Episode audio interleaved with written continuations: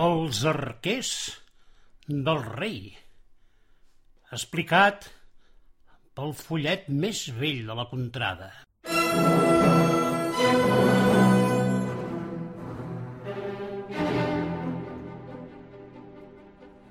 Deixeu-me que esperoni un xic la meva memòria. Vull ser molt precís i no deixar-me cap detall de la història que us contaré. L'he explicada tantes vegades.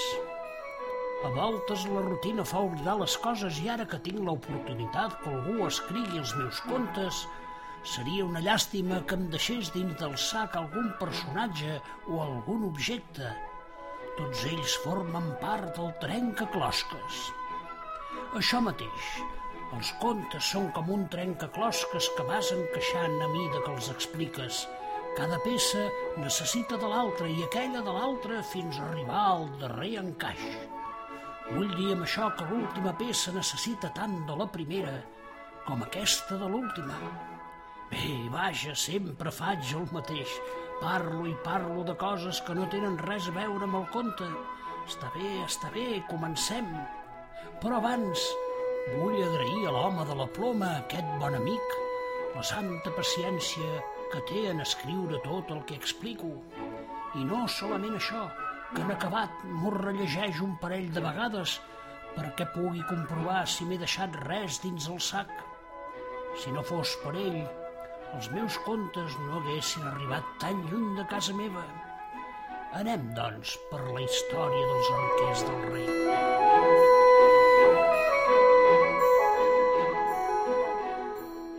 Fa una muntanya d'anys, quan totes les coses de la natura encara no s'havien inventat, quan les llavors canviaven i a vegades sortia un pi frondós i aleshores s'inventava el pi, o bé en un altre indret apareixien arbres fruiters de tota mena que es mudaven els fruits per escollir el millor brancam, la millor fullaraca que s'adigués als seus colors i a la seva pell, doncs va ser aleshores que el xiprer no existia. Ara tampoc se'n veuen gaires de xiprers, i si mai us diuen què hi penseu, de seguida els relacionareu amb els cementiris, perquè és allí on se'n troben en abundor.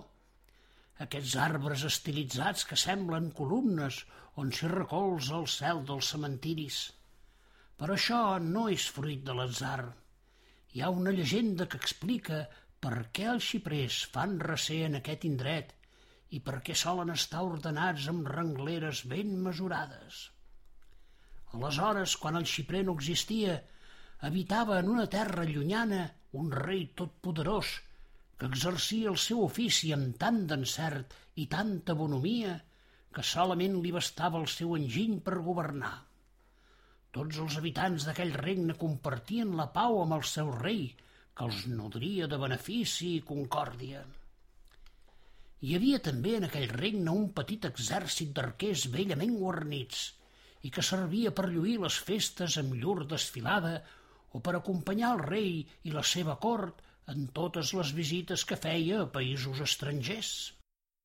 Tothom n'estava molt del seu exèrcit d'arquers i ser-ne membre era tot un privilegi que dignificava les famílies que hi tenien un fill o una filla brandant llur arc i llurs fletxes. Feia poc, Baluart, el primer conseller del rei havia mort. Era un home ancià, bondadós i savi com cap altre. Però la dissort va fer que engendrés un fill cobdiciós i temible, el jove Cremeu, que per Nissaga va heretar el càrrec del seu pare. Però no tenint-ne prou amb això, pretenia de casar-se amb la filla del rei, una jove bondadosa i digna hereva d'aquell reialme.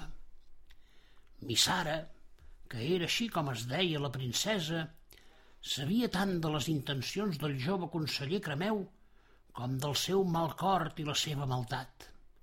Sempre havia refusat les insistents demandes del jove i si no el delatava era per preservar la bona memòria del seu difunt pare, l'ancià conseller Baluart. Però Cremeu somiava d'aconseguir el tron fos com fos i per haver-lo estava disposat a matar qui s'interposés en el seu camí. Fou aleshores que el rei anuncià amb gran joia el compromís de la seva filla Missara amb el jove cavaller Nauric, del qual n'era molt l'enamorada. Això Cremeu no ho podia tolerar de cap de les maneres i amb una rapidesa extrema ell i els seus seguidors van ordir un pla per lliurar-se del rei i del cavaller promès i en acabat casar-se amb la princesa i proclamar-se sobirà de la terra. Aquella nit, els arquers del rei celebraven l'anunci de les esposalles de Missara amb el jove cavaller Nauric amb una festa on no hi faltava de res. Música, menjar i bon vi. Era una nit fosca i Cremeu, sigilós com una serpent, es va acostar la bota del vi de la festa i abocar una pòssima terrible que emmenzinaria tots els arquers del rei poques hores després d'haver-ne begut. Tocades les dotze de la nit, el verí havia complert la seva terrible comissió. Tots els arquers del rei geien morts en els seus llits. Pocs minuts abans, Cremeu i els seus havien entrat a la cambra del rei i clavaren al cor del monarca la fletxa d'or del general dels arquers que poc abans havien robat. I no tenint-ne prou amb una fletxa, en dispararen una vintena més i desendreçaren la cambra de tal manera que semblava hagués hagut una terrible batalla. El mateix van fer a la cambra del jove cavaller Nauric, que moria a mans dels traïdors, i fins i tot Cremeu es va ferir per tot el cos com si hagués sortit en defensa del seu rei i senyor. Un cop perpetrats els assassinats, es dispersaren pel castell escridassant amb totes les seves forces. A mi, la guàrdia, han mort el rei i el cavaller Nauric, a mi la guàrdia assassins, han estat els arquers assassins. Tothom va sortir espartat de les seves cambres just al temps de veure Cremeu i uns quants dels seus dirigint-se cap a les dependències dels arquers, brandant espases i esbufegant amb ràbia. Un cop dins, feriren els cossos dels difunts de la guàrdia, però ningú no ho va veure. Solament sentien els crits i els cops dels traïdors simulant una ferotge batalla, i els brams es confonien amb els xiscles i els plors de la cor quan descobriren els cadàvers del rei i del cavaller Nauric travessats, suposadament, per les fletxes dels arquers.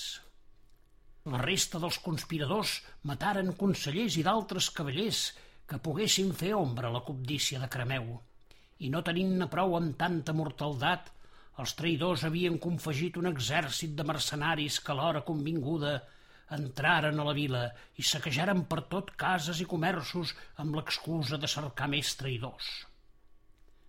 El que va succeir després és molt confós. Ningú no gosava creure que els arquers havien conspirat contra el rei, però les evidències eren tantes i com que no quedava viu cap arquer que pogués defensar-se de les acusacions, hagueren de concloure que Cremeu els deia la veritat i reconèixer-lo com a salvador del reialme i possible successor del rei, sempre i quan Missara l'acceptés com a espòs. La pobra princesa no se'n sabia venir i demanar a Cremeu li otorgués un termini de temps per decidir-se just el necessari per enterrar el seu pare i el seu estimat promès. Aquella nit Missara no podia dormir era tan gran la seva pena que solament plorava de desconsol. Però aviat el seu cos va defallir i caigué en un son profund. Fou aleshores que en somni se li aparegué el general dels arquers i al seu darrere la resta de soldats brandant els seus arcs. I mentre desfilaven el general li feu aquestes recomanacions. Mi senyora, mi Sara, el rei i el cavaller Nauric, jo i els meus homes hem estat víctimes de la traïció de Cremeu. Però no patiu, si feu el que us diré, us en podreu lliurar d'ell i de tots els traïdors. Demà accediu als seus desitjos, però li poseu una condició. Demaneu-li que enterri els meus homes i a mi mateix arrenglarats en formació, com si es tractés d'una parada militar. Feu després que ell i el seu exèrcit desfilin sobre les nostres tombes com a símbol de triomf i alhora d'escarni per la nostra maldat. Vos no hi desfileu. Vos i els vostres fidels manteniu-vos allunyats del lloc. Solament així podreu salvar el regne de la tirania de Cremeu. I va ser així com ho va fer. Cremeu accedia a les peticions de Missara, convençut que allò no alteraria el seu èxit. És més, això de trepitjar les tombes dels seus enemics alimentava la seva vanitat. Així és que van enterrar els arquers en quatre fileres com si d'una parada militar es tractés i a part en un altre indret, bellament frondós, el rei i el cavaller Nauric. Després, amb gran pompa i presidint les tropes Cremeu, els seus sicaris, els que havien matat el rei Nauric i els arquers, iniciaren la desfilada. Tan bon punt tot aquell exèrcit de traïdors trepitjar les tombes dels arquers, de la terra emergiren centenars de fleixes que feriren de mort uns i altres. Cap ni un se'n va escapar. Tot el poble presenciava aquella meravella asturats i veien que així que un traïdor era travessat per una fletxa, el seu cos desapareixia empassat per la terra. Fins a 200 traïdors moriren en aquella estranya batalla. I quan ja no hi va quedar ningú, un nou prodigi es va produir. De la tomba de cada un dels arquers emergia una nova fletxa que a l'instant es convertia en un xiprer. N'hi hagueren tants de xiprers com arquers morts, xiprers verds, ofenosos i ben arrenglerats que apuntaven al cel. En acabat, una veu que tots la van reconèixer com la del seu malaurat rei els digué Gaudiu per sempre d'aquests arbres en memòria de qui un dia va ser el vostre rei i també del seu vell exèrcit d'arquers.